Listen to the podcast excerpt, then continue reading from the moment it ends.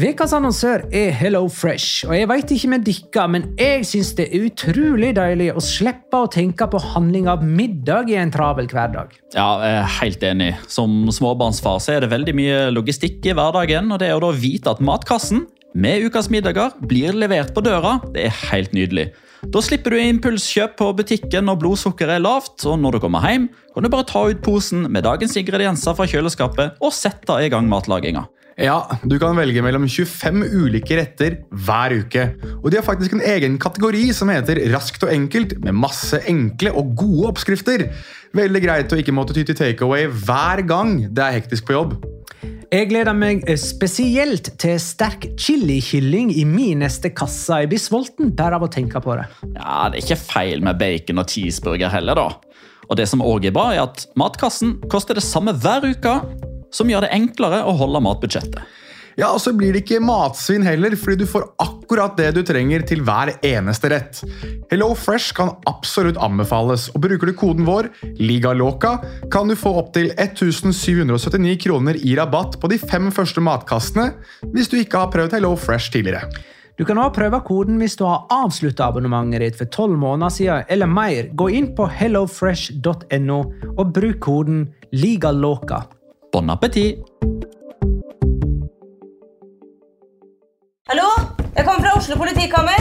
Ine Jansen er purk. Er du purk? The motherfucking bitch. Alt jeg vil, er å finne ut hva som skjedde med mannen min. Jon Carew. Er jeg sikta for noe? Iben Akeli. Det er du. Ole So, Lars Berrum og Big Daddy Karsten. Hvem sin side er du på, egentlig? Anette Hoff, Tone Danielsen, Kommer du fra Afrika? Jørnis Josef, Nesten. Kløfta. Trond Espen Seim. Det er synd å si det, men det var feil mann som døde. Purk. Premiere tirsdag på TV2 Play.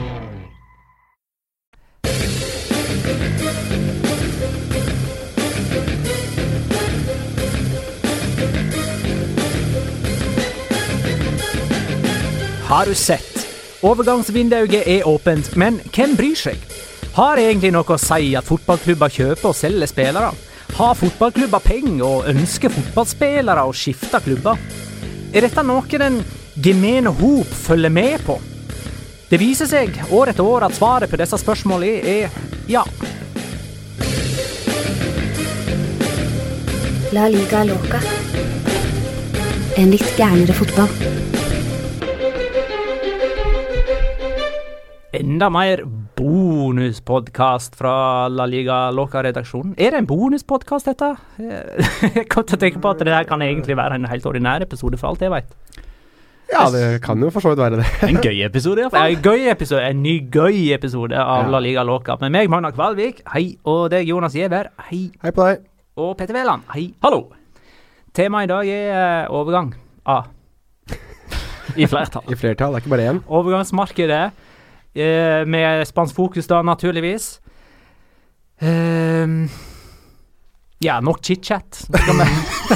Dette er en episode mange har gledet seg til i, eh, i mange, Det var faktisk dager. hans initiativ. Ja, det er det. Uh, men altså, eh, spørsmål som uh, Hva skjedde med den dominoeffekten? Vi venta oss da Cristiano Ronaldo ble solgt til Juventus.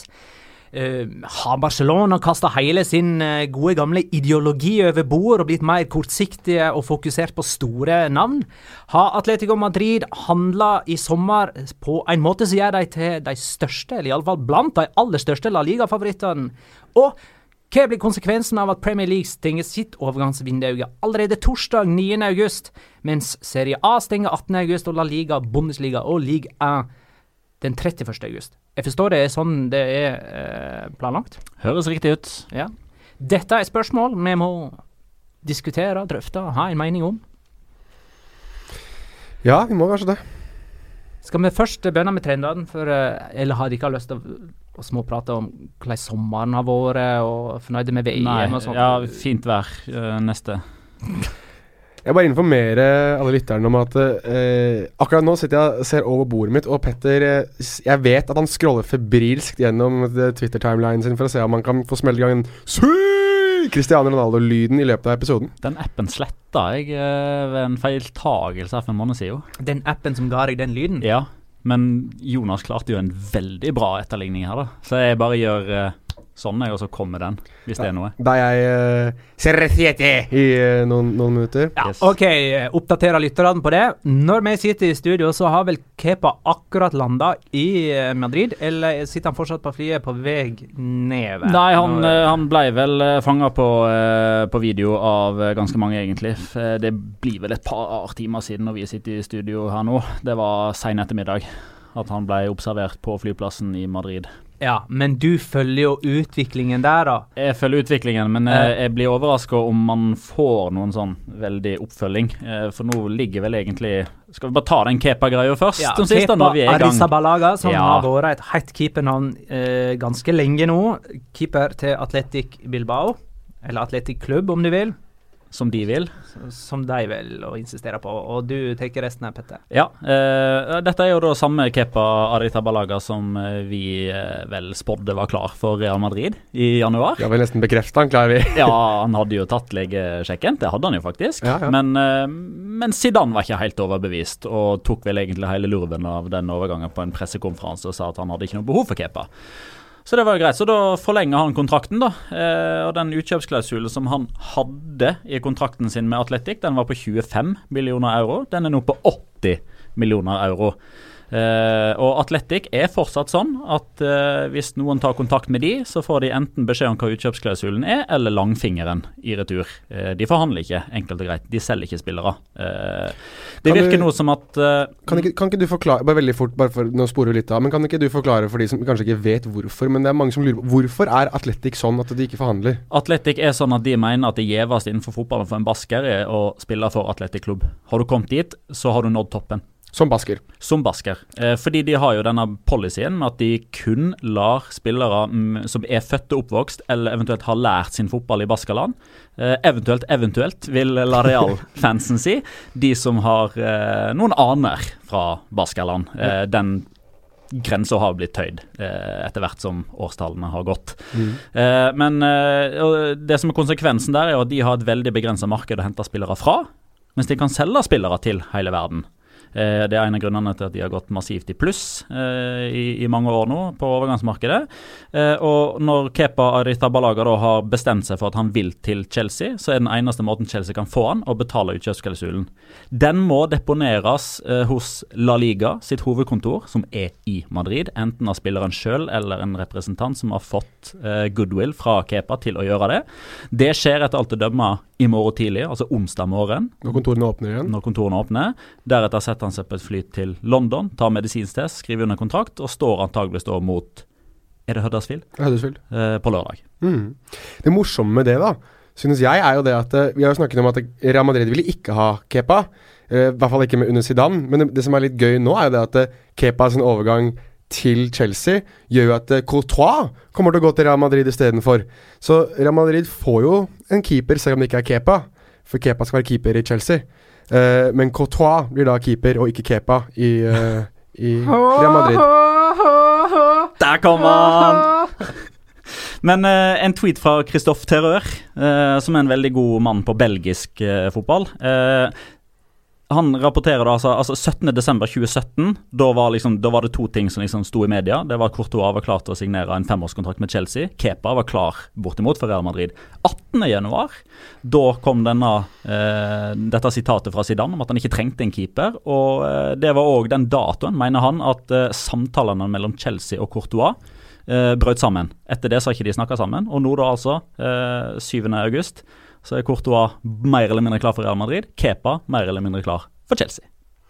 Nå er det også verdt å skyte inn da, at uh, både The Telegraph og The Guardian i, uh, i England er samstemte, de også, i at de skriver 71,6 millioner pund, altså 80 millioner euro. Det har Chelsea sagt seg villige til å betale, hvilket også gjør Kepa til tidenes dyreste keeper. han slår da Allisons rekord fra tidligere denne sommeren. To uker siden. Ja. ja, egentlig. Så det er jo litt uh, Overgangsmarkedet er i form. Ja, Setter nye rekorder. Ordentlig form. Jeg synes det er litt interessant at, det, at det han uh, skal koste så mye. Uh, god keeper for all del, og supert potensial, og, og, en som på sikt kan utfordre David De Gea, om, spesielt om David De Gea spiller som han gjør på, på Spania. Men jeg syns det er litt tidlig da, å betale så mye penger for en keeper som jeg synes varierer litt. At Han har noen helt ekstreme topper. Men vi har sett eh, blundere og merkverdige situasjoner med han også. Eh, det er ikke en keeper som jeg synes er stabilt veldig, veldig veldig god.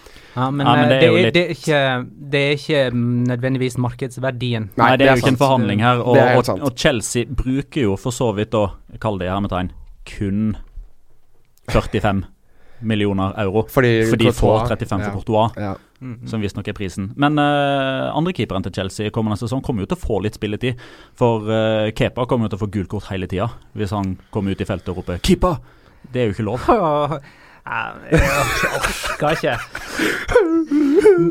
Men uh, her ser vi jo allerede litt av konsekvensene av at det er bare to dager Når, når vi sitter i studio, så er det bare to dager til overgangsvinduet stenger i uh, England. Ja. Eh, de må jo få unna sine storkjøp nå. Sånn at eh, det er mulig for dem å selge profiler etterpå. For de kan jo fortsatt selge spillere. Jeg synes det som, er gøy, eh, det som er gøy med at eh, Premier League har endra fristen sin, er jo da den eh, si, vareopptellinga man kan ta på fredag. Og tenke OK, hvem er overflødig nå? Hvor skal de? ja, Ja, ikke sånn, sant. Det, det er helt Ja, klart. ja, ja, ja. Og, og det er jo litt av grunnen til at vi tar eh, denne overgangsspesialen nå. Eh, for da kan vi tillate oss å spekulere de to dagene eh, før.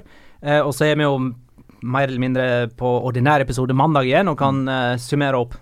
Ja, ja. S- eh, når, Og Så får jo tida vise om dette var lurt av Premier League-klubbene å gjøre eller ikke. da. Jeg tror kanskje de hadde forventa at eh, Kanskje hadde de litt vel høye tanker og tenkte at ja, hvis vi gjør det, så gjør resten det òg. Eh, for jeg har snakka med en del agenter som er litt sånn Jeg tror ikke dette var det lureste. Jeg tror ikke dette blir overgangsvinduet som på mange måter blir stående igjen som typ, det kjempegode vinduet for Premier League-klubbene. Det er mange som har satt seg sjøl i en litt kinkig situasjon med at de da må komplettere troppen sin tre og en halv uke før alle andre. Og dramaturgien for uh, media, da, den blir ikke den, den samme heller som før. Den blir jo dobbelt så stor. Blir den det, mener du? Det blir to deadline days. Ja, det. Jo, men på de britiske øyene så, så er det jo mest fokus på hvem som kommer til England. De har jo allerede bestemt seg altså De vil jo, Jo, men tenke det samme de, Nei, men de vil jo tenke det samme som oss, at det, vi, vi ser hva som er overflødig på, i hver engelsk klubb etter Ja. 9. august, Ja. og skjønner hvem som er på vei ut. Ja, jeg, jeg tror det blir et antiklimas for dem. Jeg tror ikke det blir så mange salg etter eh, vinduet i England stenger. Jeg tror det blir veldig mye lån. Jeg tror det blir noen ekstreme mengder med lån ut fra, fra klubber på spillere som er overflødige. Rett og slett fordi at de kan ikke erstatte dem, og de, da kan de på sett og vis regne med dem. da Hvis det er en sånn I januar kan de hente de tilbake i klausul. Ja, og det Eh, betyr jo igjen at man øker muligheten for at det skal skje ganske mange ting. Mener iallfall jeg, fordi kjøpestyrken ligger jo i England. Ja, tenk, så- tenker, du, tenker du de siste par dagene nå? Eller Nei, nei, jeg tenker nå fra 9. august og til 31. august, så er det mange spanske, franske, tyske klubber som kan få spillere på lån som de ellers ikke ville hatt nubbsjanse til å betale for. Ja, sånn ja. Ja, det er, eh, det er mulig. Det er, det er veldig mulig. Eh, fordi de kan ikke selge det inn mellom hverandre heller i England. Så da eh, burde det være en, en mulighet. Jeg, jeg Jeg vet ikke helt hva jeg skal synes jeg om det at de, at de stenger det så, så tidlig. Jeg lurer, jeg lurer litt på hva strategien er til, eh, til klubber i Spania og, eh, og eh, spesielt i Spania og, og Tyskland, og selvfølgelig også litt Italia. Jeg tenker jo at en, en konsekvens av dette er eh, Altså, la, la oss si at en spansk og en italiensk klubb er interessert i en spiller. Men de vet òg at det er engelske klubber som er interessert. Vil da de spanske og italienske klubbene begynne å legge inn bud på denne spilleren i dag, f.eks.? 7. august? Nei, de vil jo ikke det, for da vekker de udyret på, på Balløya. Og da blir prisen høyere, og da er konkurransen større. Nå sitter de derimot og bare Ja, krysser fingrene for at uh, det ikke skjer noe, da. Og så fra fredag utover så er det Da, da er ballen over på vår halvdel. Og jeg forsto det sånn eh, fra England at hensikten med å ha denne forskyve den uh, deadline de, de ene dagen Deadline-dagen? Deres det, det dagen. til før seriestart var at man skulle få satt stallen sin før seriestart, sånn at det ikke ble store endringer. Det er for at alle tabelltipsene nå skal være 100 unnskyldningsfri. Korrekt. Eh, Liverpool kan godt få en ny Continuo-saga likevel, liksom. Ja, ja, ja. Eh, Det, det har jo ingenting å si så lenge de andre store seriene har fortsatt å åpne vinduet. Så eh, vi får eh, se. Skal vi ta litt om trendene så langt i sommer eh, i eh, Spania, da? Ikke nødvendigvis liksom konkret hvem som har blitt kjøpt hit og dit, men uh, hva som ja, er av trender som uh, kanskje peker mot en ny tid, eventuelt. Ja, skal vi begynne Hvem skal vi begynne med? Altså, trend... Jeg så for eksempel, vi snakka litt om dette tidligere i dag, Petter, at det er mange småklubber i Spania som setter nye overgangsrekorder. Mm, det er det. Har de plutselig fått mye penger? De har jo fått en ny kollektiv TV-avtale. Eh, TV-avtalen trend, eh, Ja, det, det er trenden. Eh, håper jeg Av forskjellige årsaker. Altså Den ene er jo at eh, La Liga-president Javier Tebas Han blir jo skutt på fra alle mulige hold. Men det han skal ha enorm kudos for, det er jo måten han har klart å heve verdien på produktet som han selger. Eh, til glede for noen, og kanskje ikke til glede for andre. For det gjør at man, eh, Nå har man jo eh, Altså, den katten er jo ute av sekken. Det er et streamingselskap, altså Strive, som eies av IMG, har rettighetene til La Liga i Norge. Det er jo åpenbart pga. at de norske TV-kanalene mener at La Liga har prissatt produktet sitt for høyt. Og det er tre år, det er nå. Det er en treårig avtale. Ja. Så Og La Liga det, Kan jeg bare skyte inn? Ja. Mange har spurt oss om dette, Mhm. Eh, men vi aner jo ikke noe mer med enn de foreløpig. Vi vet ikke mer enn det som står i, på VG og kampanje. Og, så, eh, og det der vil jo selvsagt være et eh, tema vi må forholde oss til som eh, en podkast om spansk fotball. Men eh, vi får heller komme tilbake til det når vi vet mer. da. Kanskje vi skal granske litt i det òg. Kanskje vi skal grave litt. Men eh, bare fortsett, du. Hvor var vi? Jo, TV-avtale. TV-avtale. Eh, jo, så, eh, så potten er jo større. Altså ka kako er enormt mye større. Og, og kako blir, blir delt opp i mer like stykker nå enn at eh, Real Madrid og Barcelona spiser seg mette først, og så er smulene igjen til resten av gjestene. Nå eh, er det langt mer for det, som, som gjør at eh, klubbene har rett og slett mer, eh, mer å rutte med.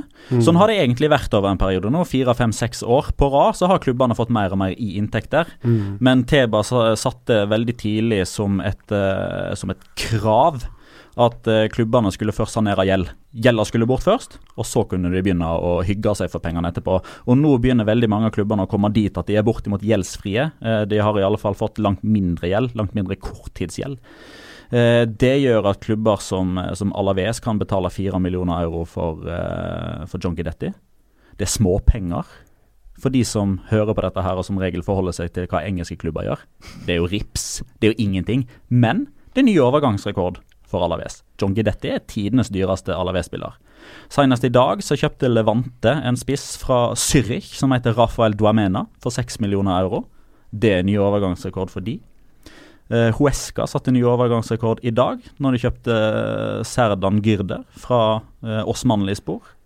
Uh, Girona har satt ny overgangsrekord ved å hente Johan Mojica fra Rayo Vallecano. Retafe har satt ny overgangsrekord ved å hente eh, David Soria og Nemanja eh, Maksimovic fra Sevilla og Valencia for 5 millioner euro. Español har satt ny klubbrekord ved å hente Borja Iglesias for 10 millioner euro. Eibar har satt ny overgangsrekord fordi de har henta Sergio Alvarez for 3,9 millioner euro. Og så videre og så videre. Så jeg lurer på om det Nå er det vel sånn 11-12 klubber som til nå i dette vinduet har satt ny rekord. Betis er eksempelvis ikke en av de, pga. De Nilsson-overgangen i 91 eller annet, eller hva det var for noe, da de sprengte banken, da Pesetasen var på sitt laveste eller høyeste, alt etter sånn.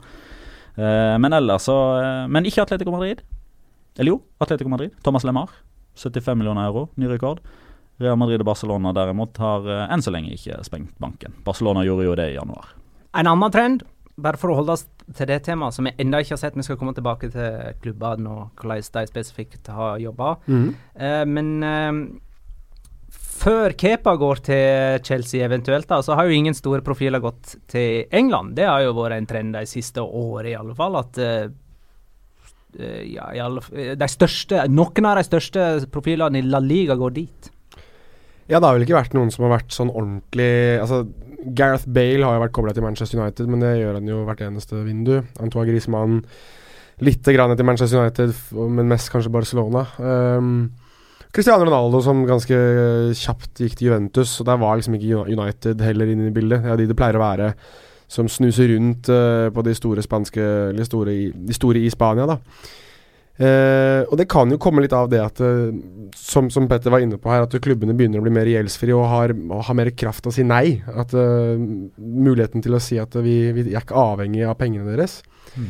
Eh, som er en, er en styrke og eh, en potensiell fordel for, for spanske klubber og for, for La Liga i framtiden, hvis de skal prøve å ta opp kampen på noen som helst måte med med England. Eh, de kommer ikke til å gjøre det i, form, i kjøpskraft, men det å, å hvert fall kunne si nei til, eh, til engelske klubber er, eh, er en mulighet nå. Det som vel har materialisert seg til nå, det er jo Diego Rico. Som ble solgt fra Leganes til Bournemouth. Eh, altså en, en ganske en, en stor overgang for Leganes. Eh, klart dyreste eller største salget i deres historie. Jeffer, men, Jefferson Lerma. ja, ikke 100% bekreftet ennå, men ja. Den eh, han blir òg klar på- for 30 millioner euro. Vært på medical nå i dag. Eh, men det faller jo ikke inn under den kategorien som Magnar etterlyser. Det er ingen store stjerner. Nei, Men likevel så forsvinner det store stjerner ut av La Liga hvert år. da, Sånn som Neymar i fjor til Frankrike, Cristiano Ronaldo nå til Italia.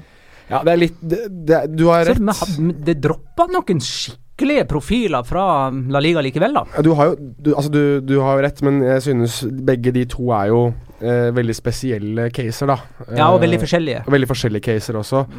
Eh, det er jo litt uh, tilfeldigheter som kanskje gjør at de ender der de ender. Uh, både Neymar og, og, og Cristiano Ronaldo. Um, men, noe jeg syns er interessant Nå skal jeg ikke snakke så mye om dem, men det er, det, er ikke, det er jo på sett og vis i hvert fall vært en trend, men det at Real Madrid knuser overgangsrekorder og sprenger banken etter et VM og etter å ha mistet stjernespillere, det er også en slags form trend som pleier å skje når de må. Eh, det har heller ikke skjedd eh, denne sommeren her, og ser ikke ut til å skje heller. Eh, jeg synes ikke at Thibaut Courtois er Det er ikke Kakao, Ronaldo og Benzema i samme vindu.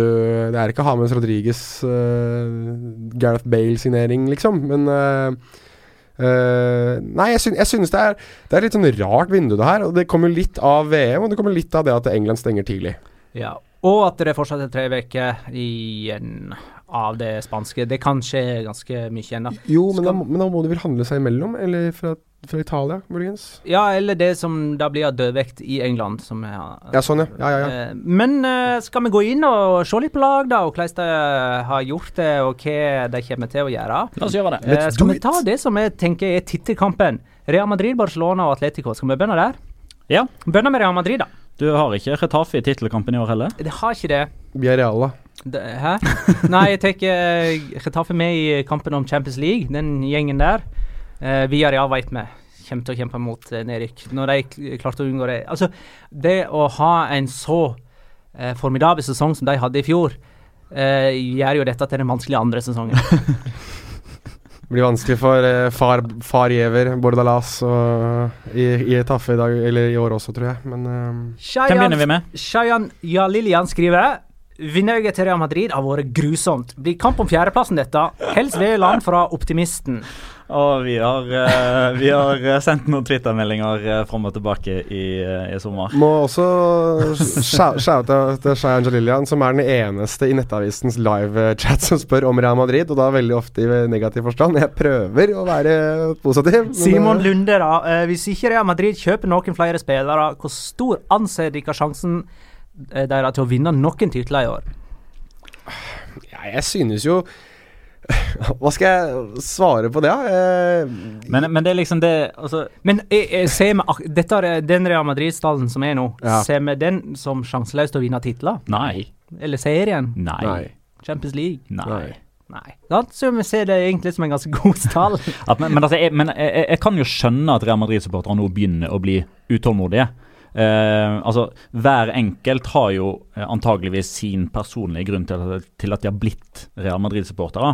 Men det er jo eh, ikke til å skyve under en stol av eh, at eh, en del av Real Madrid-supporterne er personer som liker de store stjernene, og som forbinder Real Madrid med Galacticos, og som ønsker at de skal være en maktfaktor på overgangsmarkedet og sånne type ting.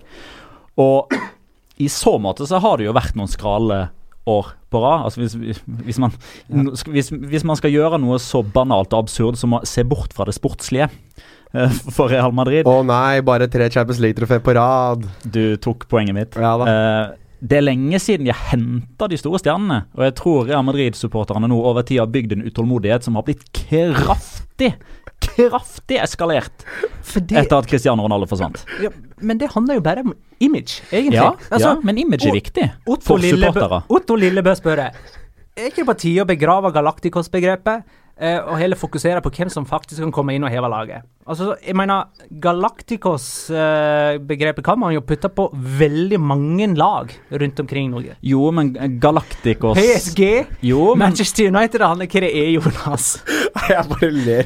Jeg syns det er så gøy at folk Altså, unnskyld. Jeg, bare, det bare slo meg litt nå at det, det, dere har jo helt rett.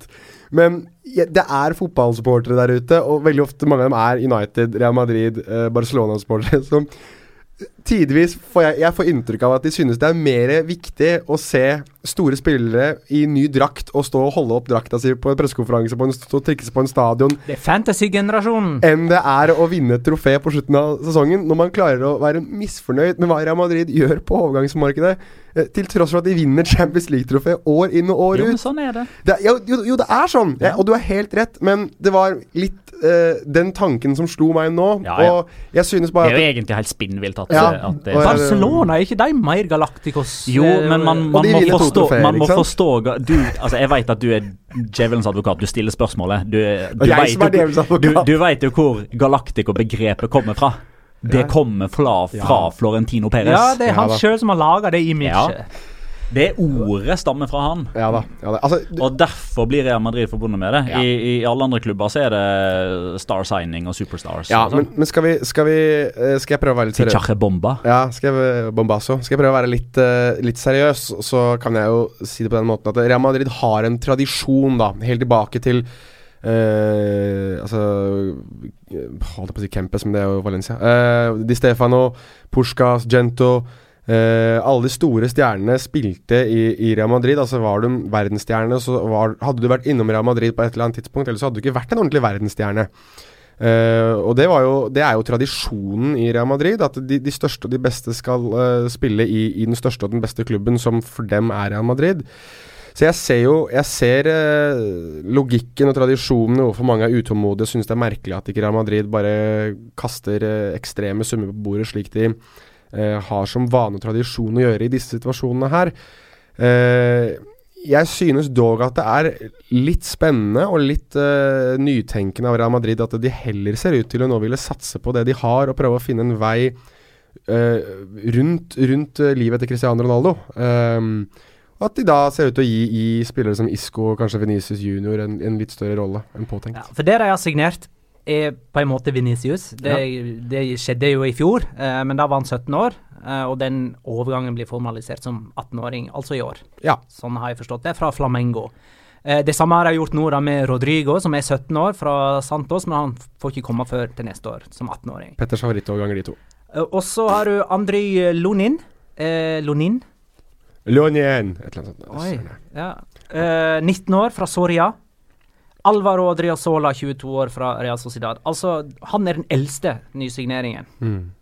Uh, og er dette Er, er det her vi ser eh, den uh, hva som annonserte dominoeffekten etter Cristiano Ronaldo uh, Ronaldo-salget bare forsvinner, fordi at de satser på unge eh, spillere, bygge lag for framtiden. Nå har ikke vi sett den tendensen i så fall over Men- flere år allerede. Jo, men dette mener jeg at vi har toucha innom i løpet av disse vanlige La Liga Ja, livet etter Loca-episodene. livet livet etter Cristiano ja. Ronaldo kontra livet etter Lionel Messi i Ja. Barcelona. Der har man tenkt forskjellig, og, og Real Madrid starta den prosessen for lenge siden. Eh, Marco Ascencio var den første signeringa i så måte, da de henta han fra Mallorca, leide han riktignok tilbake igjen. Det var to måneder før Martin Ødegaard kom, som var nummer to i rekka. Lucas Silva, det funka jo ikke like bra, men han var òg en ung mann som ble henta inn. Eh, Isco i Adamendi i sin tid, de var jo mer eh, typ navngjetne enn hva Ødegaard og Ascencio osv. var. Disse brasilianerne nå, Lonin Ja, Det er mange mange eksempler på at Real Madrid velger å gå mer for de unge, og så vil de utvikle de. Og så har de eh, Når du på livet etter Cristiano Ronaldo, så, så gjorde de seg nok litt klare for det ved å hente Gareth Bale. Eh, i hvert fall, Jeg sier ikke at de, de, de tenkte på det da, men, men det var jo selvfølgelig et kjøp med tanke på framtiden, det også. Eh, den dagen Ronaldo kanskje forsvant, så kunne Bale ta over. Og det er jo det som det spekuleres i nå, at det er, det er Bale som eh, på en måte blir the main man i, i Real Madrid. Og det har jo han jo ønsket lenge. Og da, dette er hans mulighet til å skinne, Det det. og nå må det vel egentlig skje. Ja, nå er det nå eller aldri, altså. Ja. Ja, nå, for er nå har liksom- man ikke noen unnskyldninger lenger. Det, det Dette er som- manndomsprøven, kan Ja. man egentlig kalle det. Det som eh, gjør meg litt skeptisk på Real Madrids vegne, eh, det er jo at eh, altså, ja, nå kommer Gareth Bale ut av skyggen til eh, Cristiano Ronaldo, og tallene hans kommer, eh, hvis all logikk slår inn, så kommer tallene til Gareth Bale til å være enda bedre. Fordi han tar straffene. Han kommer til å ta frisparkene. Han kommer til å være den de leter etter istedenfor Cristiano Ronaldo. Men han blir jo ikke mindre skadeplaga av at Cristiano Ronaldo ikke er der. Nei, men kanskje de har lært. Kanskje de har funnet et eller annet Ja, da er det på tide i så fall. Ja. Eh, Men eh, skal vi bare skrinlegge Aguero, Icardi, Kane, Mbappé, Azar, Neymar, Lewandowski, Cavani? Jeg tror ikke det. Men nå, men nå er det jo òg en sånn annen type altså Siste nytt fra Madrid med tanke på inn-ut er jo Mateo Kovacic, eh, som etter alt å dømme blir leid ut til Chelsea.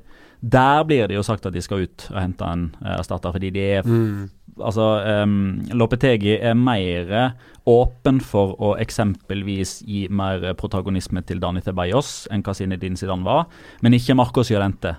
Han er visstnok førstemann som skal ut eh, når de kommer tilbake inn fra treningsleiren i, eh, i USA, blant de som eh, fikk noenlunde med spilletid forrige sesong. Eh, men, men, men Kovacic var med i planen til alle i Real Madrid. Når han ikke lenger er der, da, da virker, altså de, de første rapportene fra de som skal være in the know på Real Madrid, er at her kommer de til å gå ut på markedet for å hente en erstatter. Og da ja, igjen, da er det jo et spørsmål om hvem som er tilgjengelig. Om, om Premier League-klubber vil selge den og den når de ikke har muligheten til å hente erstatter og sånne type ting. Tiago.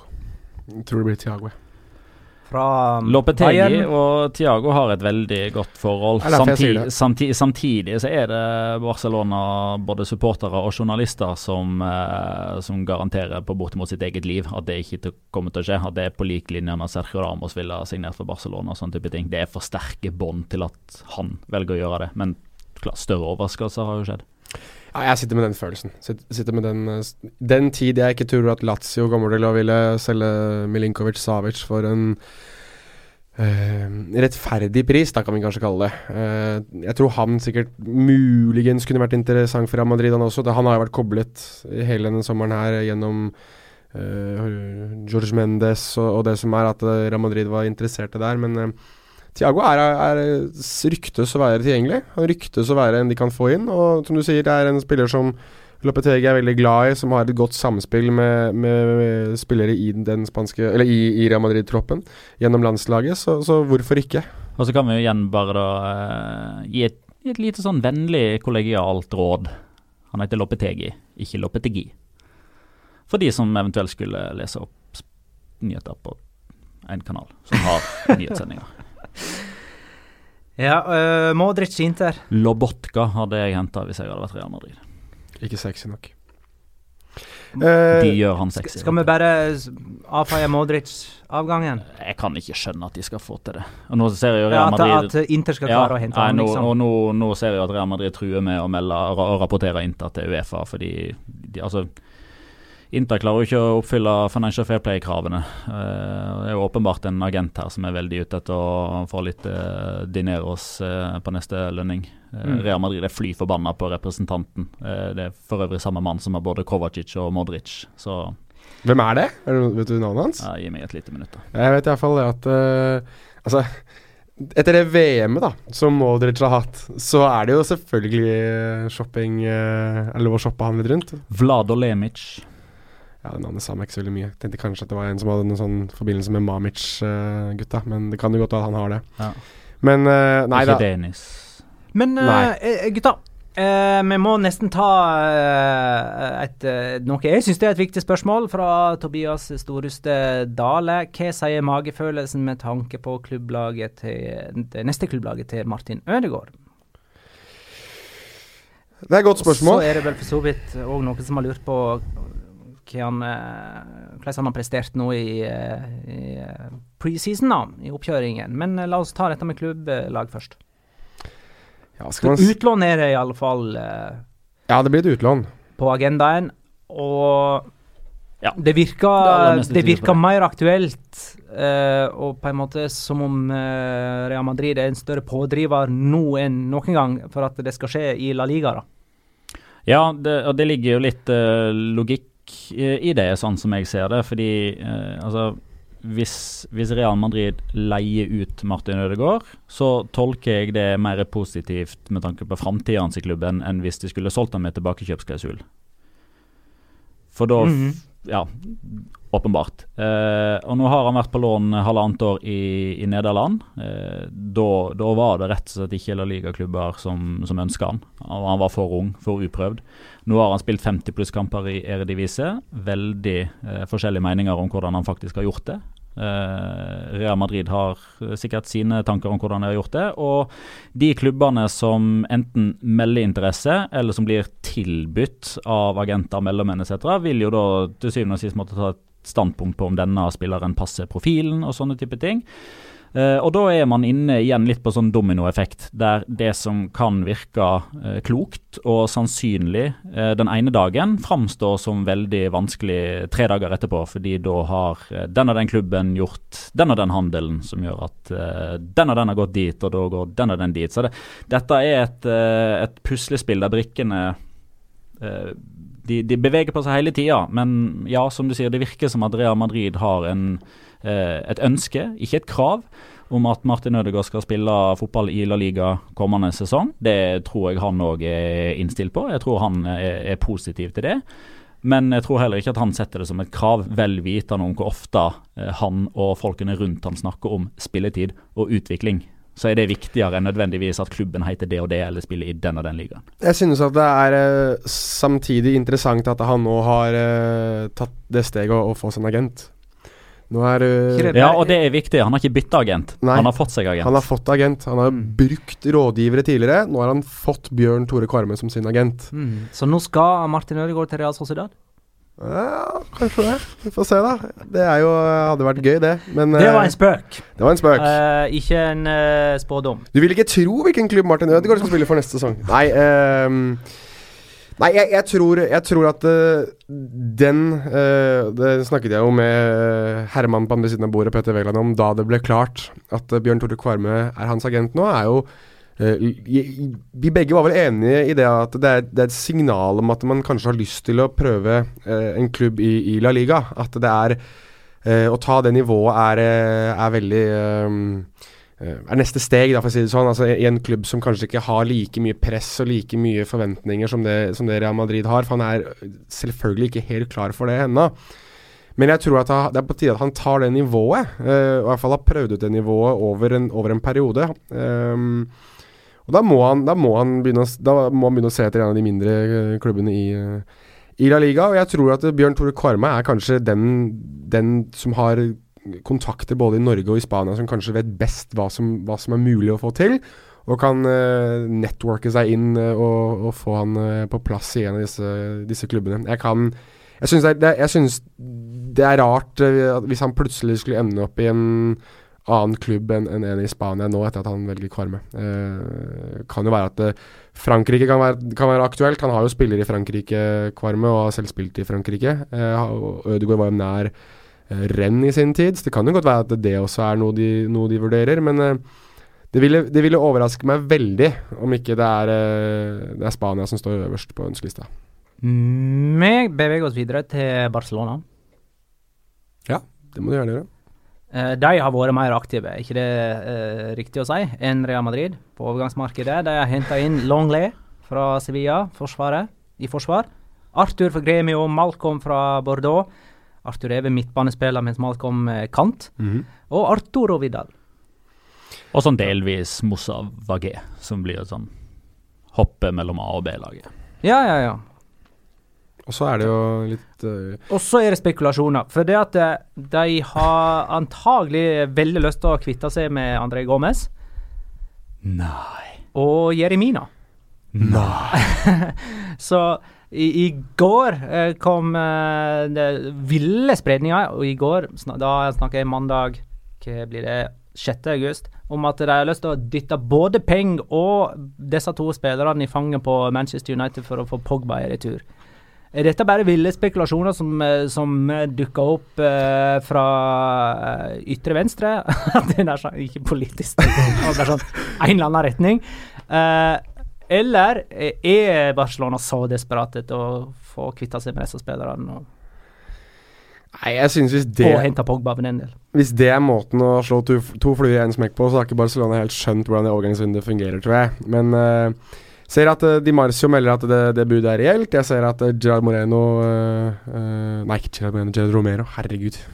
Uh, som Tenker på han uh, via realspist? Nei, jeg tenkte ikke på han. Jeg, tenkte, jeg pleier faktisk å blande de to. Uh, Gerard Romero, Ja. som jobber i uh, spansk presse, som jobber på katalansk TV, han melder at det budet ikke er reelt. Så, så kommer litt an på hva som er sant eller ikke er. Men jeg jo i dag Marka Marca skrev at uh, Barcelona har vært i møte med Mino Raiola, med agenten til Pogba, for å finne ut uh, tilgjengeligheten der, men at de ikke er interessert i å involvere seg i en potensiell overgang som kommer til å gå over 200 millioner euro. Så uh, Pogba er nok uh, kansellert uh, for denne sommeren her, men, men Jeremina skal nok uh, til det er vel enten Manchester United, Everton eller Lyon som er de tre klubbene som nevnes der, mens stakkars André Gomez ser ut til å måtte bli værende da i, uh, enn så lenge, om ikke han lånes ut. Han kan, jeg kan, Stakkars fyr, altså. altså han, han okay. spiller jo den der treningskampen eh, Hvem var det? Var det eh, den første treningskampen de spilte mot Roma?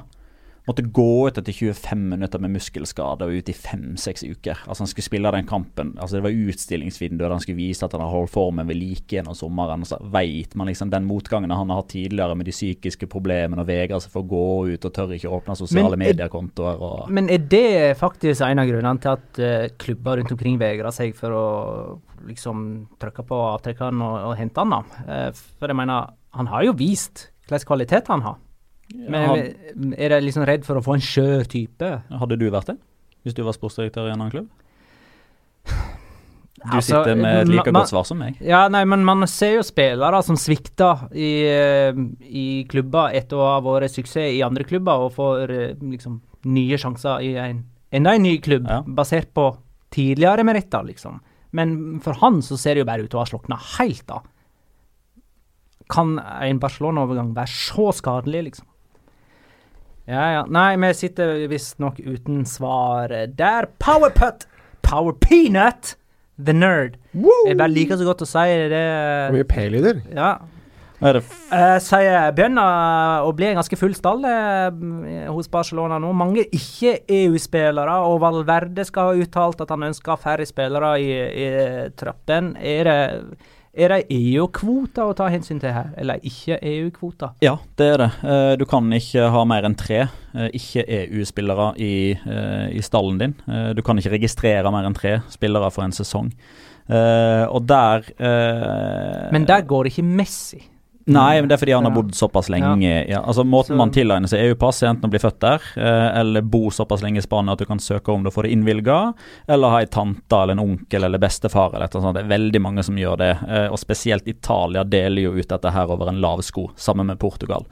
Uh, apropos Portugal. Uh, Filipe Coutinho uh, har jo enn så lenge ikke EU-pass, til tross for at han har bodd i både Italia, Spania og i England vel i nå snart ja, blir det nesten ti år. I hvert fall åtte-ti år. Så jeg er veldig usikker på hva slags eh, vilkår man må oppfylle for å få lov til å søke. For han går jo nå gjennom si kone, eh, som enten er portugisisk eller som har portugisiske foreldre eller noe sånt. Eh, og Barcelona jobber jo nå en kamp mot klokka, først og fremst for å få han for å få dette her i boks innen søndag. Fordi på søndag så spiller Barcelona eh, Supercopa de Spania mot eh, Sevilla. Nå vinker Jæver med Mateo Lahos fingeren.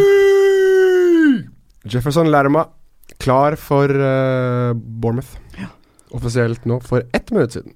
Så da kan man altså vite jeg er faktisk ganske skuffa, for nå trodde jeg du hadde Kepa-nyheter. For eh, det Eh, Kepa har nå sjekka inn på hotell i Madrid. Det er siste uttrykk. Si. Nei, Jefferson eh, er, Nå er det faktisk eh, video at han signerer kontrakten sin til og med, Jefferson Lerma. The chase is over. OK. Tilbake igjen til Barcelona. Har vi svaret på dette med EU? Um, Eh, ja, men altså, det, det som er greia da Coutinho har ikke EU-pass. Eh, Arthur har ikke EU-pass. Malcolm har ikke EU-pass. Jeremina har ikke EU-pass. Marlon Santos har ikke EU-pass, hvis jeg ikke husker helt feil. Så to av de må jo ut. Mm. Det blir jo ikke Coutinho. Og det blir ikke Arthur, og det blir ikke, og det blir ikke Malcolm. Så da blir det jo de to andre. Med mindre de da får dette EU-passet eh, på Coutinho i tide, da kan eksempelvis Mina eller uh, Marlon bli, sånn per definisjon. Men nå blir jo Jerry etter at de har solgt. Har det vært et sterkt overgangsvindu i langt for Barcelona, og kommer det til å skje mer utover de som eh, skal ut, da? Um, for, jeg tar Geir Halvor Kleiva. Malcolm og Dembele, er ikke det smør på flesk, f.eks.? Spørs jo da om begge to eh, jeg holdt å si begge blir værende. Bakom blir jo åpenbart værende, men det ryktes jo at Dembélé ikke er veldig fornøyd. Så det kan godt hende at han går ut? Nei. Nei, nei, nei. Nei, Jeg sier bare at det har vært rykta, jeg. Eh, Og rarere ting har skjedd i overgangsvinduet enn at uh, man mister uh, en sånn type helt på tampen. Men jeg, jeg tror ikke det skjer.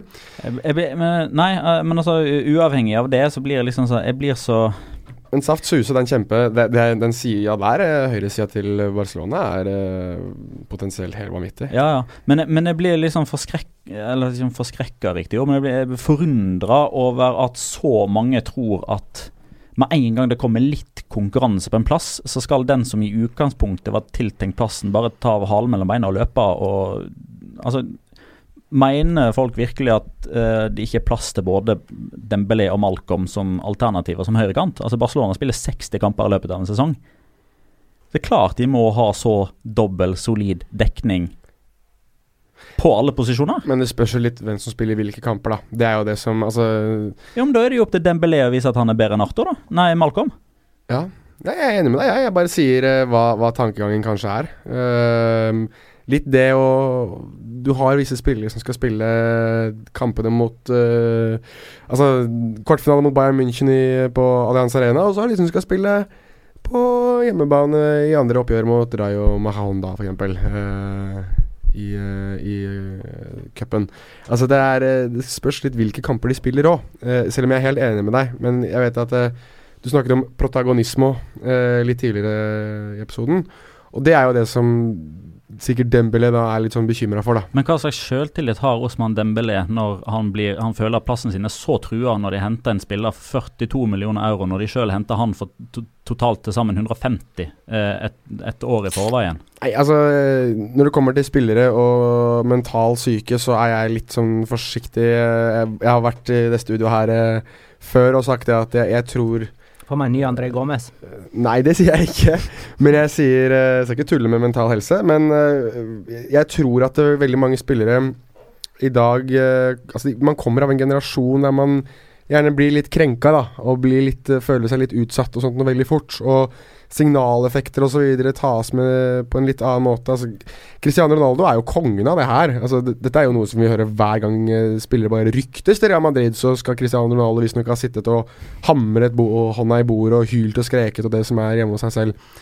Og vært så indignert over at Real Madrid eh, tenker andre spillere enn han.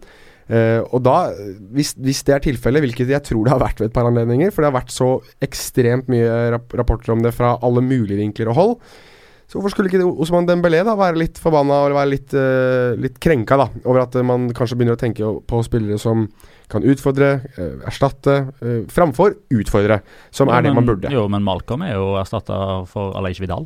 Så Nei, Han det er feil. Han skal inn og skåre 4-0-målet i El Clásico, eller 3-0. Nei, altså Erstatteren for uh, Vidal er jo Arturo Vidal. han er erstatteren til Paulinho. Jeg vil ikke Av, Avidal inn, Avidal They bought Avidal and they sold Avidal. Men uh, er det noen nye inn, tror vi? Altså sånne som Franke de Jong, Rabiot har blitt linka. Ja. Nei, det virker, det, det, det virker jo ikke sånn. Altså Akkurat nå så har Barcelona for mange spillere i stallen. Ja. Det men for- det, den eneste posisjonen jeg føler at de ikke har eh, kjempegod dobbeltdekning på, det er rett og slett at de ikke veit hva erstatterne eh, som er der eh, på B-laget, står for eh, når de får muligheten i La Liga. Altså Marco Corella eller Joao Miranda Nei, Joao Miranda, sier jeg. Eh, Miranda. eh, kun, kun Miranda. Eh, altså venstreback-posisjonen. De solgte Luca Ding. Det virker ikke som at eh, Barcelona-styret er så veldig sugne på å gå ut og hente eh, noen der. De er såpass sikre på den fysiske formen til Jordi Alba at han står løpet ut. De har både Omtiti og Lenglet, som er venstrebeinte stoppere som kan bekle en venstreback-posisjon i nøden. I tillegg så har de da som sagt Miranda og Cocorella, som begge er OK alternativer fra, fra B-laget. Mens rapportene da tilsier at Valverde ikke nødvendigvis er helt enig ikke helt enig i akkurat det der og der.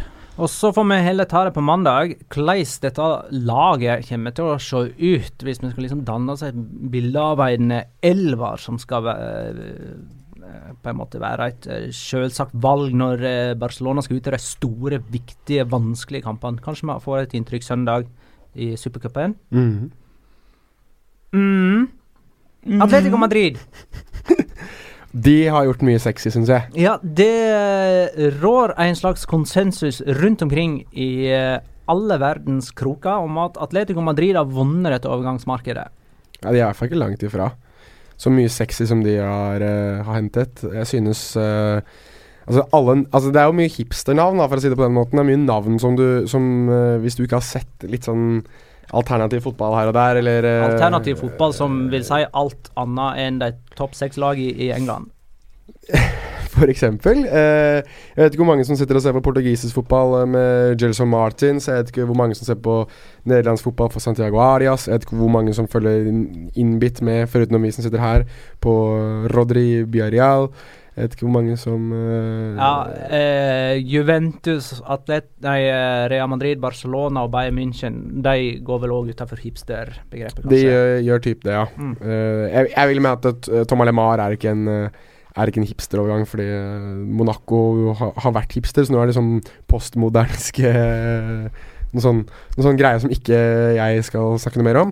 Men i hvert fall Jeg synes Sitter og ser på overgangene her nå. Det er bare, nesten bare solide overganger, syns jeg. Ja, for LeMar er jo egentlig en litt sånn Hvis man skal ta sånne statement-overganger, så må jo han være det. Eh, for der, der har det vært mange storklubber med Ja. flugefiskekroken sin. Ja, det jeg syns er litt gøy da med, med Thomas LeMar, er jo litt det at det virker nesten som han er hentet Altså Han, er, han hentes jo først og fremst fordi han er en, en supergod spiller, og en spiller som kan bekle ganske mange posisjoner i, eh, i laget. Men han er jo også hentet lite grann, tror jeg, for han er kompisen til Antoine Griezmann. Og det var jo ryktet at eh, Griezmann hadde hatt et par spillere han gjerne ville ha i klubben eh, som en slags satsing for å vise for han at det var verdt å bli med videre. Så skal vi gå helt, så skal vi gå gjennom hele La Decision-tullet som han holdt på med før, eh, før VM, men det var liksom LeMar, og så var det Jibril CDB, som var de to som visstnok var de spillerne Griezmann hadde lyst på i, i Atletico Madrid. da. Uh, nå ble det Arias istedenfor CDB, men LeMar kom inn for 70 millioner uh, euro, som var en slags uh, Kall det både en statement til resten av uh, fotball-Europa, men sikkert også en sånn goodwill hos, uh, hos Griezmann, at vi hører på deg, og du har en sentral posisjon i laget, og vi skal bygge rundt deg. Som er viktig for Griezmann. Han er en kar som liker, liker sånne ting, virker det som på meg. Uh, men jeg synes uansett det at han skal spille venstrekant i det laget her, antar jeg. Skal han det? Eh, jeg vil vel tro det. Han er Ja, iallfall vært venstrekant. jo, mm, Ja, spilt vel så mye høyrekant, vel. Ja, mest venstre, vel. Hvordan ser vi for, oss den midtbanen der nå, egentlig? Saul eh, skal inn der en eh, plass. Saul og Saul og Rodri på hver sin og plass. Rodri. Jeg syns dette begynner Og- å og stinke 4-3-3, jeg. Du syns det, ja? Selv om det er veldig nevnte hvem, jo, men det er der han prøvde før. Ja, men Det da har han liksom ikke hatt prøvd... spillertypene til det. Man Nei. prøvde med Carasco, men det funka ikke. Det virka som han eh, en gang etter at de tok seriegullet i 2014, eh, følte at de måtte gjøre noe annerledes for å kopiere suksessen, og det var ingen suksess, og så bare gikk de tilbake til de gode gamle. Ja, og så var det vel òg han, han begynte vel så smått å gi liksom etter for presset fra folk utenfra om at nå måtte de liksom begynne å underholde ja, litt mer. og... Det skulle se litt bedre ut òg, ja. Mm. Skal det være en slags Ja, men da er det jo Rodri som, som ankeret, da, og Coque Saul som indreløpere. Og LeMar på en av kantene. Lemar og Griezmann eh, på, på kantene som typ, veldig forskjellige type, type kantspillere. Diego Costa på topp. Og så skal Arias uh, suse opp og ned langs Aria eh, skal bombe oppover høyre og blir kanskje det faktisk litt mer offensive alibiet enn Filipe Louis og eller Lucas. Alt dette kom. Det, det tror, jeg tror faktisk Filipe Louis starter denne sesongen som andrevalg. Jeg tror Lucas Hernandez i større og større grad blir back nå. Enig. Veldig enig. Spesielt etter den, den VM-prestasjonen hans. Og Og høyrebekken, da, er Arias. Arias. Arias er høyreback. Han skal spille Der Versalje er solgt. Ja. Ja. Eller leid ut. Ja. Sånn, med, op med opsjon på Ja. kjøp, er ikke det? Ja. Eller med, er, det, er det obligatorisk kjøps... Nei, det er visst ikke lov i eh, Italia lenger. Au, så surt. Det er jo Magnars favoritt-buzzwords. obligatorisk kjøpsopsjon. Alexander Larsen lurer på, hvis du tenker sånn der 4-3-3 og den eh, med den fronttrioen du eh, skisserte, Petter, Mm. kan backupen på spissplass bli et problem? For Atletico Madrid? Ja. Det ligger jo an til å bli Nikola Kalinic, da. Ja, som ennå ikke er signert, men som Nei, er på vei fra han- Milan. Seks mål på 31 seriekamper forrige sesong. Han og Kepa har sjekka inn på samme hotell i Madrid. Har de det, eller? Nei, det vet jeg ikke, men det hadde vært kult. Det hadde vært moro hvis Han, eh, han, han er i Madrid, det er han. Oh, ja. Og har visstnok gjennomført den medisinske testen i dag, så det er bare liksom siste papirarbeid. Så Kalinic er en 30-åring fra Kroatia. Som han ble eh, kastet ut av troppen til Kroatia under VM. Og han som Ja, ikke det var han som uh, ble sendt hjem igjen. Men han hadde jo Lykke til med å si det til proff Ortega. Nei, jeg vil ikke varme opp, jeg. Eller Mono Burgos. Blir kasta inn i dusjen med hodet Fikk ikke han eh, en EM-sølvmedalje Nei, VM-sølvmedalje som han ikke ville ta imot òg? Helt riktig, han ville ikke ha den. Han sa nei takk. Det var rapportert i hvert fall i, i, hvert fall i kroatisk presse da at uh, spillerne var uh, enige samstemt i at han burde få en medalje. Uh, men da sa han uh, jeg har ikke vært med, jeg har ikke spilt, så da vil jeg ikke ha noen medalje. Men uh, terningkast på Atletico Madrid sin uh, overgangssommer. Fem. Fem. Ja, det Og det viktigste det blir, er jo da altså det å beholde Antoine Griezmann. Ja, det er, Igjen! ja, ja. Igjen. Det er, klart. det er jo egentlig en statement. Og så er det jo, er det jo litt uh, kult, da, en litt sånn uh, når, når du snakker om f- framtiden på venstreback, så har de jo kjøpt uh, Johnny Castro fra Celta og lånt Mm. han rett ut til Wolves. Uh, så det er jo prov på at uh, kanskje de begynner å planlegge for livet etter Philippe Louise på sikt. Uh, hvor han skal inn og tipper utfordrer Lucas. eh, I hvert fall ha, ha bredere dekning. Så det blir eh, de, de kjøper for framtiden også. Og det ser ut som at de tar et steg nærmere toppen. Per i dag. Tirsdag Altså, 20. Altså, 20. per i dag så vil jeg hevde at uh, Atletico Madrid sine seierssjanser i, f eh, i forkant av en La Liga-sesong aldri har vært høyere. Og ja, jeg er fullt klar over at de vant i 2014, men da var de ikke utfordrere Da var på de samme måte da som var de er ikke nå. sjansen deres egentlig så Nei, da var den veldig, veldig liten. Nå er den mye, mye større. En som ser ut til å forsvinne, apropos dette med eh, backup på spissplass, er Gameiro. Og det fører oss over på den, i det neste sjiktet, vil jeg si. Valencia virker å være hans neste destinasjon. Eh, det, da, hvis vi skal si eh, Kampen om, om eh, topp fire. Valencia, Sevilla, Villarreal, Betis. Betis. Real Betis. Kanskje Atletico Real Sociedad. Sevilla, sa du det? Jeg sa Sevilla. La oss begynne med Valencia.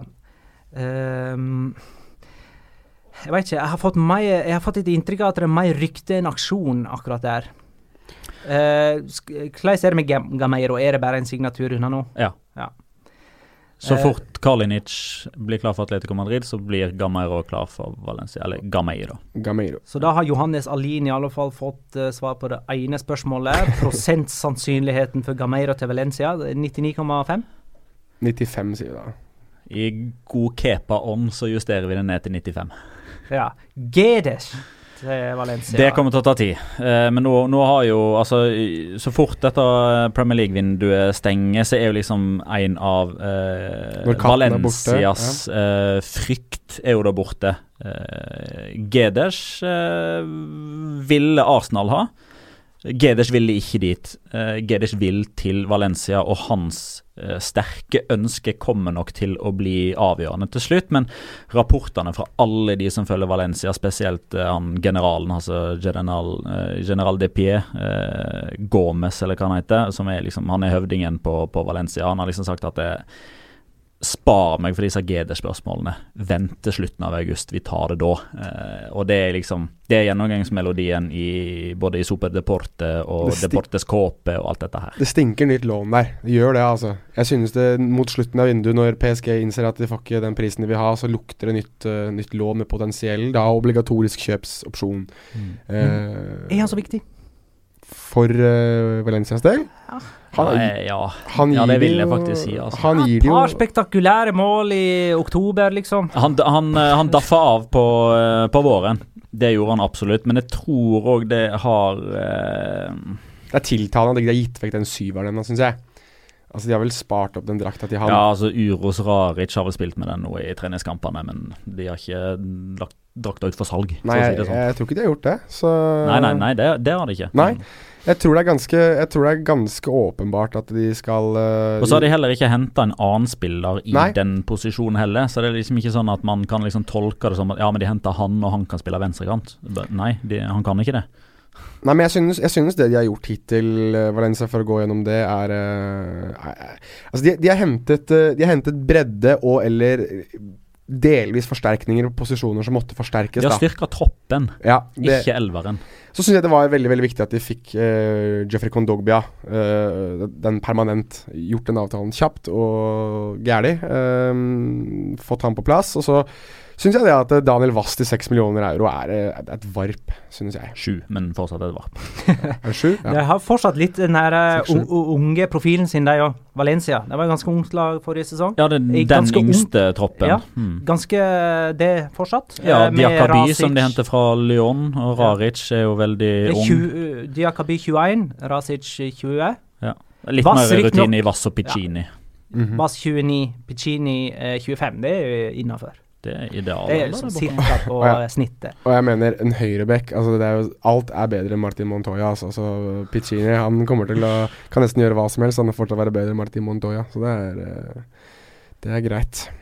Rodrigo til Real Madrid er òg en av Johannes Alin sine prosent... Uh, det hadde vært ekstremt logisk. Det hadde vært, det hadde vært så logisk, det. Både pga. den bakgrunnen han har. Han har vært i Madrid tidligere. Mm.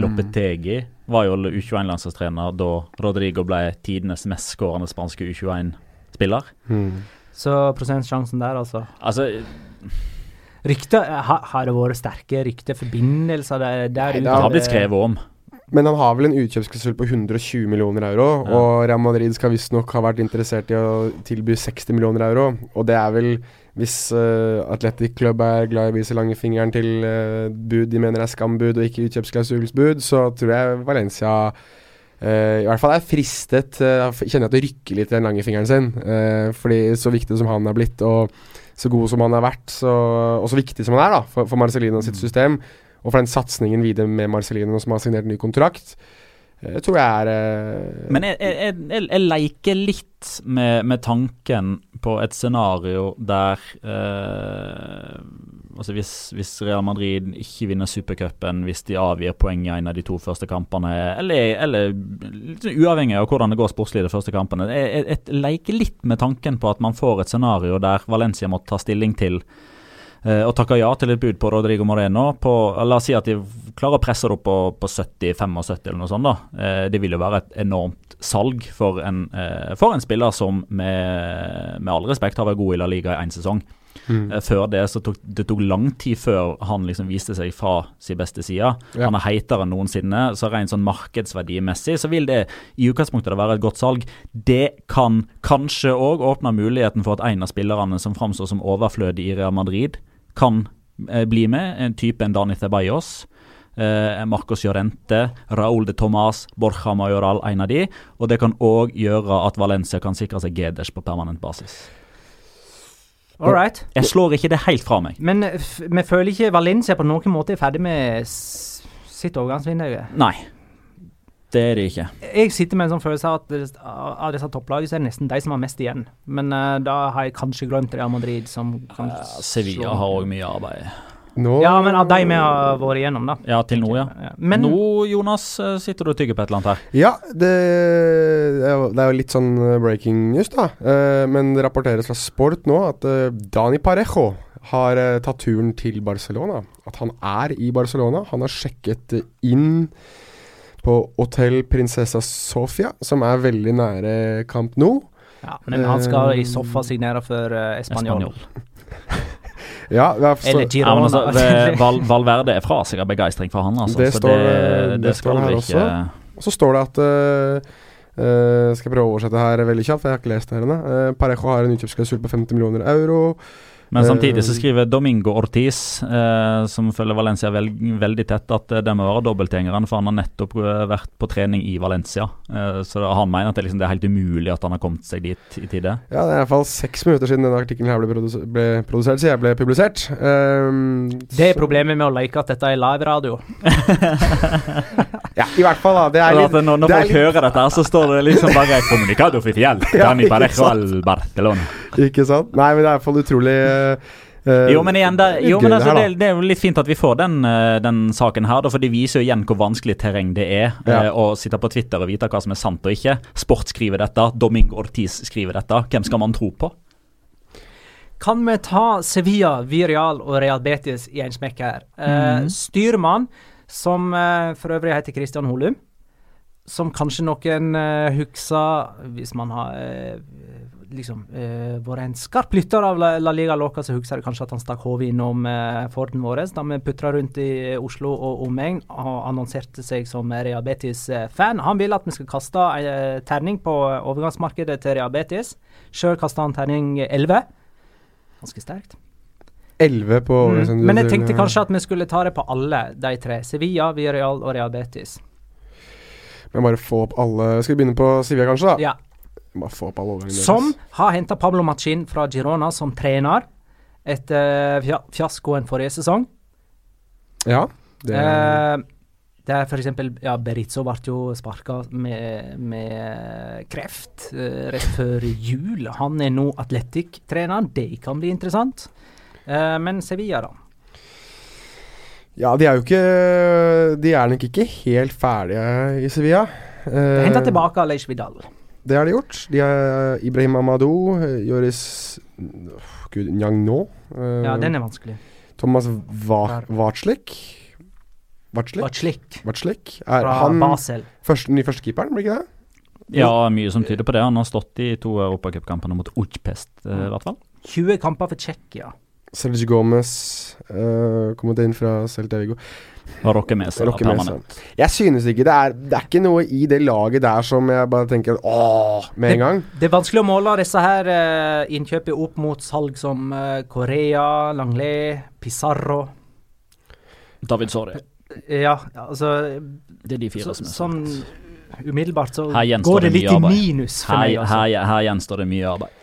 Jeg tipper at uh, Altså, de skal vel spille 3-5-2, da, vil jeg jo anta, siden det er jo, det er jo formasjonen til eh, Pablo Machin. Og uh, Arana som wingback på venstre, og da Aleish Vidal som wingback på høyre. Er Arana. Er Arana, det han heter? da? Det er jo ikke han som kommer til å spille. Hvem spiller da? Sergio Escudero. Tror du ikke Arana kommer til å få sjansen på venstre wingback nå? Det Soleklart førstevalg Escudero. Han er, Tror du det? Han, kom, han er jo i kapteinsteamet.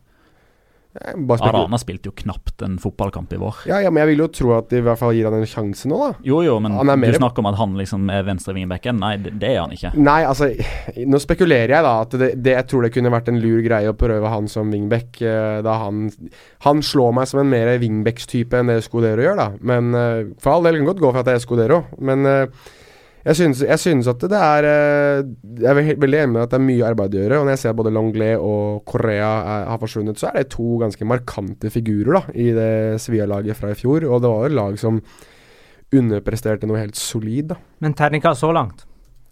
Tre. To. Jeg er faktisk på to, jeg òg. Ja. Men jeg, jeg, men jeg eh, ser nå at Bakayoko eh, ikke kommer til å gå dit. Det ser ut som han går til Milan. Eh, og da spørs det jo, da, om det er en annen eh, mann med Litt eh, relativt høy, brede skuldre. Han har langt hår, da. Det har ikke Bakayoko. Et av navn som starter på samme bokstav. Eh, pass. men ja. Eh, en spiller som Castillejo blir eh, linka til Sevilla, noe som fører oss over til Villarreal, Ja. som kanskje selger Castillejo, men som har signert Santi Cazorla. Hey! Hurra! Terningkast seks automatisk. Det er ikke langt ifra. Han hadde altså et sånt sår på eh, i sånn cirka ankelen. At han, han måtte gjennomføre en hudtransplantasjon. Tok deler av eh, huden fra underarmen sin der han hadde en tatovering. Var det Jeg tror det var et navn. Tror det var en dattera. Ja.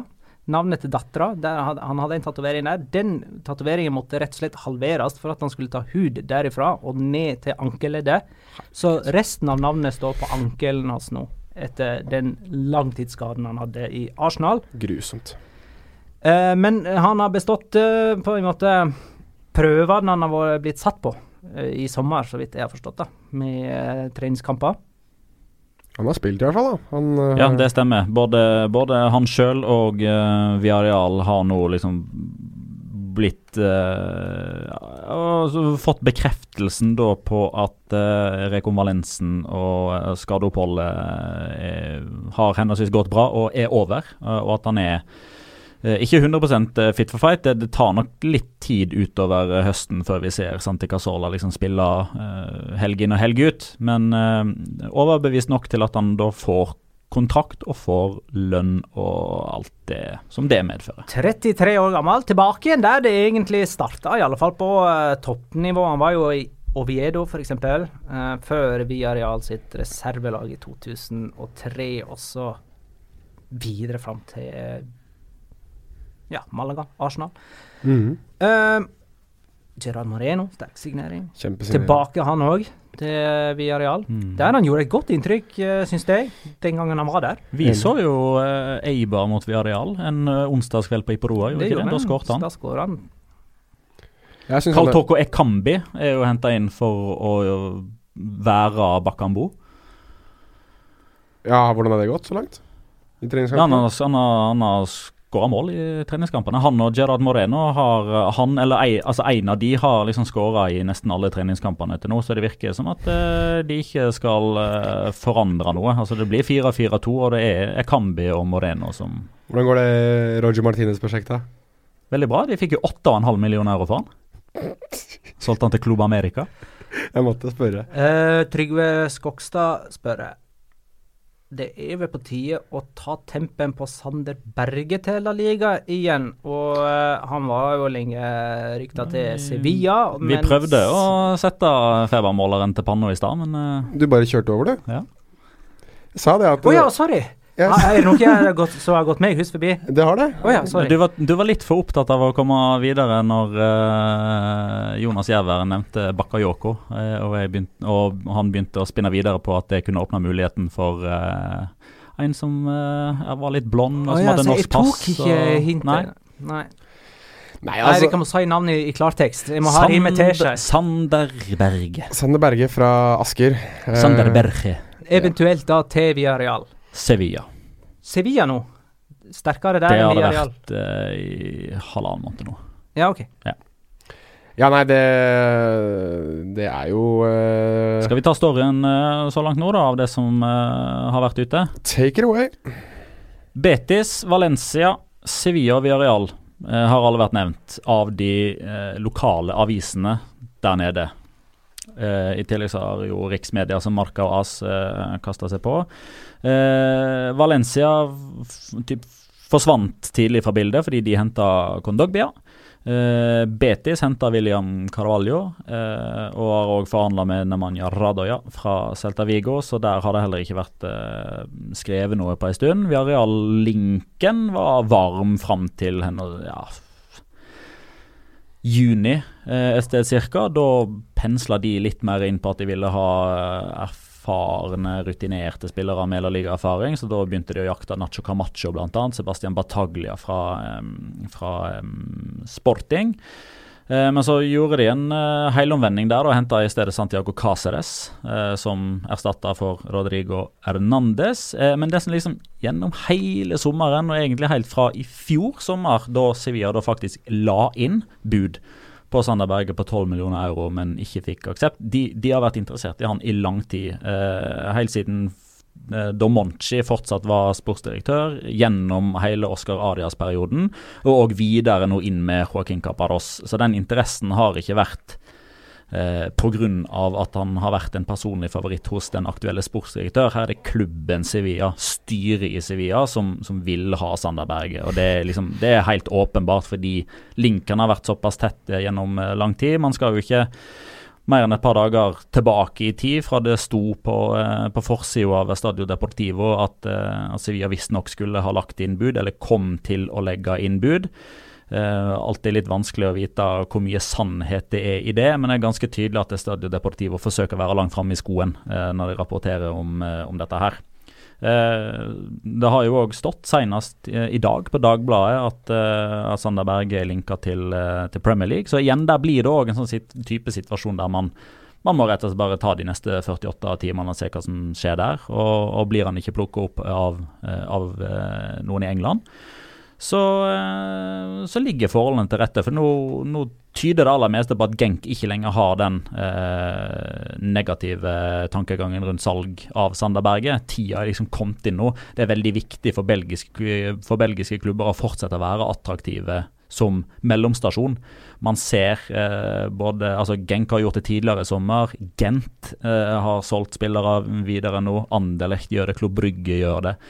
Eh, så liksom den belgiske serien har et veldig godt rykte for seg på å være en fin mellomstasjon for spillere som Sander Berge, og nå virker det som at det er liksom det riktige tidspunkt for han til å ta steget videre. og Så vil tida vise om det blir Sevilla eller ikke. Hadde vært fryktelig gøy om så.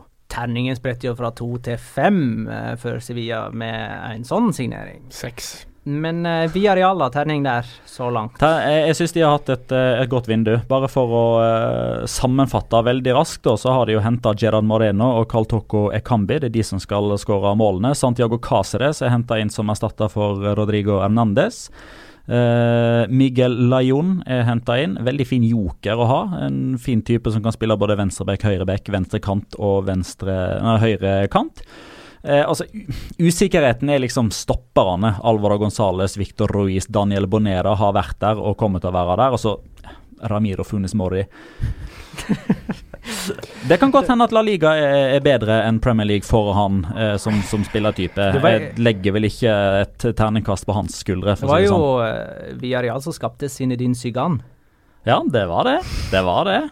Han så jo hjelpeløs ut i Eneste tidspunktet han så hjelpeløs ut i, i, i, La Liga, var når Ronaldinho skåra dette brassesparket. Da var han eh, nærmest collateral damage. Ja, men hvem var ikke hjelpeløs i en sånn Nei, altså Den eneste de har mista, det er Rodrigo. Eh, jeg er selvfølgelig litt usikker på Santiago Cáceres, så jeg har sett veldig lite av han i Velle Sarsfield. Men eh, nei, totalt eh, enn så lenge terningkast fire justeres ned til terningkast tre. Det tidspunktet Samo Castillejo blir solgt. Men da regner jeg med at de skal ut på markedet og hente en erstatter for han. Og så det styrmannen har sett og venta på, terningkast på Real Betis, som kjørte en skikkelig sjarmoffensiv forrige sesong. Med, den hadde jo fortsatt i sommer med disse videoene. Ja, det, ja også, men uh, det hadde òg en sånn pornoskåring ja, ja. Uh, nylig. Men, altså, jeg må, jeg må, få sagt det. Uh, det beste med Sevilla fortsatt Nei, Sevilla Serie Betis fortsatt er videoene som, ja, som Joaquin legger ut midt på natta.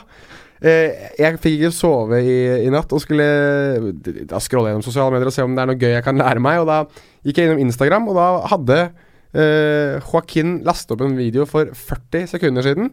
Uh, og da lå han i senga si og lå og fortalte vitser som kun han som Jeg skjønner jo ikke en dritt av hva han sier pga. den der eh, ekstreme analytiske spansken hans. Men, men, du må bare le av, av han, for han, han gosser seg og ler så mye av sine egne vitser at det er helt vanvittig gøy. Uh, og nå skal han jo bytte draktene, han også. Nå skal han ikke lenger ha Joaquin på ryggen. Nå skal han ha Petter. Julio. Ja. Så det, Ja, Hvis han får lov, da, vel å merke. Hvis han får lov. har, han har bedt om tillatelse fra La Liga. har du sett eh, Jeg må jo spørre, uh, vi skal inn, innom navnet, men, men Takashi Inui er jo på plass i, yep. i uh, Real Betis. Var det noen som fikk med seg det? At, det? at det var sånn åpen dag hos Real Betis. Så var det en jente som skulle uh, som, som skulle ta bilde med Takashi Inui, og så står Joaquin bak og roper 'Nå må du åpne øya!' til Takashi Inui. Så han står og ser helt sånn gæren ut på bildet. Ja, og i tillegg så var det Så- var jeg òg en, en annen det- video som ble, liksom bare ble lagt ut bare sånn noen minutter i forveien, eller noe sånt. Der uh, Joaquin da står med armen rundt Takashi Inui fordi han skal eh, Jeg vet ikke om han skal ta bilde, eller om han skal liksom stå sentra med ei ganske ung jente. Eh, og, og ingen har jo liksom fått med seg at Takashi Inoue nå har begynt å lære seg litt grann spansk. Ja. Altså, dette var han som sto med tolk uh, etter kampen mellom Retafe og Eibar. Ja. Det japanske derbyet, når Gakko Shibasaki og Takashi Inoue begge satt på benken i 90 minutter. og Takashi Inoue var mannen som var i mikseren etterpå. Uh, han hadde åpenbart plukka opp et eller annet hos uh, Joaquin. da, Nå husker jeg ikke eksakt hva han sa, men et eller annet sånt, et eller annet også pisja på Ja. slutten. Og pisja det er et, et uttrykk for Kadis, der Joaquin er ifra. Og Joaquin bryter jo sammen, vet du. Ja. Ikke noe morsomt i det hele tatt, i utgangspunktet, men fordi det er Joaquin, så er det hysterisk. Inui, eh, William Carvalho, Sergio Canales, Paul Lopez, Sydney Blant de som har kommet inn. Du må ta med det at uh, Canales og Canales Paul Lopez og Inui er alle gratissigneringer. Mm, det er ganske pent. Som jeg synes er eh, Du må liksom justere opp det terningkastet litt, fordi at det er eh, gratis. Eh, åpenbart sign-on-fees og lønninger og, og vondt være, men tre veldig, veldig veldig solide signeringer. Som kan synes veie opp for salg, eller spillere ut. Ja, altså Fabian Ruiz uh, ut er jo selvfølgelig uh, det, det, det er trekk på terningen. Mm. Eh, jeg syns det er en Det er den overgangen jeg liker minst, sånn rent personlig, denne sommeren, med tanke på ut fra La Liga. Mm. Fabian Ruiz til Napoli, den likte jeg ikke. Spesielt ikke pga. at Real Betis i, i sin sesongkortreklame kjører da altså eh, mora til Fabian, eh, som eh, i alle år har jobba med å vaske i indre korridorer på Benito Villamarin. Eh, de kjørte liksom knallhardt på det der med at eh, man følger liksom hun gjennom arbeidsdagen, og på slutten så ser du at hun går opp trappene opp til Benito Villamarin, og så kommer sønnen Fabian etter og tar armen rundt, og så står de liksom og snakker litt grann med betisdrakt Betis drakt og litt sånn. Eh, og liksom oppfordrer folk til å kjøpe sesongkort, for her skapes liksom magiske øyeblikk. Dette er en klu familieklubb og Ja, alt det greiene der. Eh, og rett etterpå så Og det, og det sies jo òg at eh, hvis man ser oversiktsbilder fra, liksom fra, fra litt skrått opp uh, på Benito Villamarin, så er det jo, det er jo fantastisk uh, måten uh, setene er satt sammen i forskjellige farger, og så blir det eh, en type en karikatur av Fabian Ruiz. Bare legg merke til det. Se hvor likt det er. Se hvor likt det er. Ikke sett det her før. Ja, bare gå inn og se. Men er det bare et tilfeldig ansikt, egentlig? Nei, Jeg tror ikke det. Det Jeg tror, jeg tror ikke det. Jeg tror det er liksom Han er en av oss. eh, Han blir vår nye store. Ja, terningkast. Jeg gir de Jeg, gir de, eh, jeg hadde gitt de en terningkast fem uh, før de solgte Fabian Ruiz, og da blir det fire for meg. Men de solgte jo Fabian Ruiz lenge før William Carvalho og alle disse her kom. da. Ja, men da justerte Ja, Justerte Så fra du, én og opp, du har justert fra tre til fire etterpå, da? ja det Ja. må bli sånn, da. Vi får si det på den Ja, jeg måten. er på en firer foreløpig. Fire. Ja, men det er bra. Eh, når det gjelder Real Sociedad Men jeg, jeg tror vi har snakka Nevnt Atletic. Eh, og, og de utfordringene de på en måte står på med sin Eller står eh, Ha med sin politikk, og eh, hvor lite de egentlig kan få ut av masse penger. Eh, eh, så Real Sociedad Eh, den eh, andre baskiske storklubben som kan være en potensiell utfordrer, i alle fall til Europacupspill. Der er det masse rykter, men jeg har liksom ennå ikke helt fått eh, det store inntrykket av eh, aksjon. Det skjer ingenting. Nei. Eneste er Mikkel Merino inn og Alvaro Drosola ut. That's it. Paulo Sarabia. Mye, Ja. mye snakk om. Theo Hernandez på lån fra eh, Real Madrid. Han kommer snart. Men det som er interessant, er jo at eh, mange eh, relativt respekterte journalister nå I første omgang så spekulerer de, men det at Atletic Klubb nå sitter med masse, masse, masse brennheite cash mellom hendene Hello there, Mikkel Oyarzabal. Do you want to come to us? De sier det sikkert ikke på engelsk, siden både klubben og spilleren er spansk, men uh, Mm, ja. det, to, det tok ikke mange minuttene fra Kepa ble observert uh, på flyplassen i Bilbao til disse artiklene var skrevet om at nå skjelver La Real. Fordi Jago Ererin da blir førstekeeper i, i Atletic, mest sannsynlig. Ja, det, Det er ikke noen keepere hente for de pengene. Nei, Så- nei, nei, for all del. Men eh, kanskje det mest spennende som har skjedd i Real Sociedad, det er at de har henta Asier Garitano Ja, som trener. Som så, eh, Eusebio Sakristan fikk jo sparken i løpet av eh, forrige sesong. Han er nå i uh, Girona, for øvrig. Mm. Uh, noe som vekker en viss skepsis uh, for meg, på vegne av sjarmøren fra forrige sesong. Slipper jo inn hver kamp, da, så det blir jo greit. Both teams to score. Lite å si egentlig om Real Sociedad. Skal vi runde av denne episoden her med spørsmålet fra Håkon? Hvem anser vi som La Ligas beste signering så langt? Oi øh, Den beste av alle signeringer. Jeg kan godt begynne. Jeg, jeg sier Jeg sier LeMar til Atletico Madrid. Ja, bra, den. Um, ja, nå tok du meg veldig, veldig Jeg Dette er sånn som du må gi beskjed om. Ja, det er mye, det er mye man kan sikkert Altså, den, den overgangen jeg synes øhm, Den overgangen jeg gleder meg mest til at kommer til å skje, visstnok, er jo da øh, min nye helt. Øh, for nå er den gamle helten borte. Jeg skal til å si at vi har glemt en ting. Og det er jo eh, altså en overgang som er eh, trist for lytterne våre, og eh, litt trist for meg nå etter VM, er jo at eh, alles kjære Nordin Amrabat har gått til Al Nasser i Emiratene eller Saudi-Arabia eller noe sånt nå. Men eh, Josef Nesri fra Malaga, mannen som stanget ballen i mål mot Spania eh, på 2-1, han er på vei. Så det er en marokkaner ut og en marokkaner inn. På Og da, blir det, da blir det en ny klubb som setter ny intern overgangsrekord i La Liga. Ja, det blir det også. Så det uh, For alle marokkanere så er, eh, er nå Leganes uh, er hjerteklubben. For nå er jo også Faisal Faur har gått fra Getafe uh, til Cannes i Frankrike. Så to marokkanere. Uh, Nebel Elzar og Ashraf Hakimi har stukket. Han har også dratt fra, fra Real Madrid. Så det er, det er liksom ikke så mye marokkanere igjen, da. Nei, men det OK. Ja, eh, jeg svarer William Carvalho. Real Betis, Real Betis. 20 millioner euro. Ja, jeg får, eh, jeg får eh, Det har jo ikke skjedd engang, da, men jeg får vel nesten si Josef Nesri da, til, eh, til Leganes. Selv om jeg har ikke sånn kjempetro på han.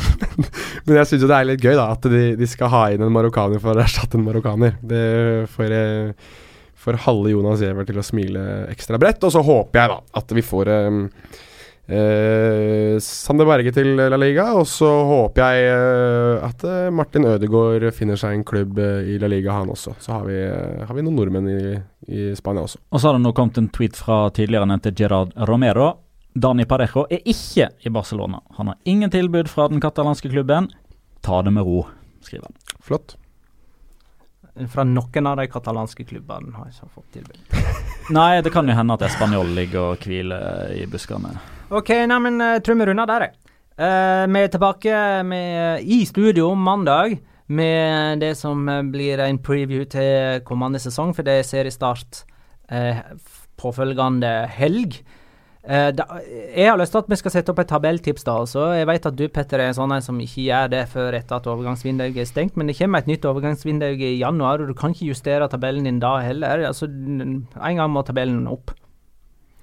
Ja, det er greit. Jeg kan uh, tippe både Valladolid og Rayo når de har tolv A-spillere i troppen tilgjengelig. Nemlig. Det er greit. du. Du må jo tippe tabelltips før sesongen starter. Ja, men det må være mulig å komme med små justeringer 1.9. Det kan hende vi kommer med små justeringer eh, etter at overgangsvinduet er stengt. Ja, du kan, du Det må kan, være lov. Du kan si at, det, at eh, Hadde jeg måttet gjøre, gjøre tabelltipset mitt nå, så hadde jeg heller valgt det og det og det. Det har lov til. Men tabelltipset det står. det står. Ja, ja, altså det Det skal ut på grafikk og det som er. Så, og så skal vi ha, selvfølgelig ha alle riktige. Med liten skrift i bånn. Ja, men for svarte svingene, da. Tusen takk for at uh, vi fikk eh, så mange eh, spørsmål uh, å kunne boltre oss i. Uh, tusen takk for at du lytta, kjære lytter. Ha det, da.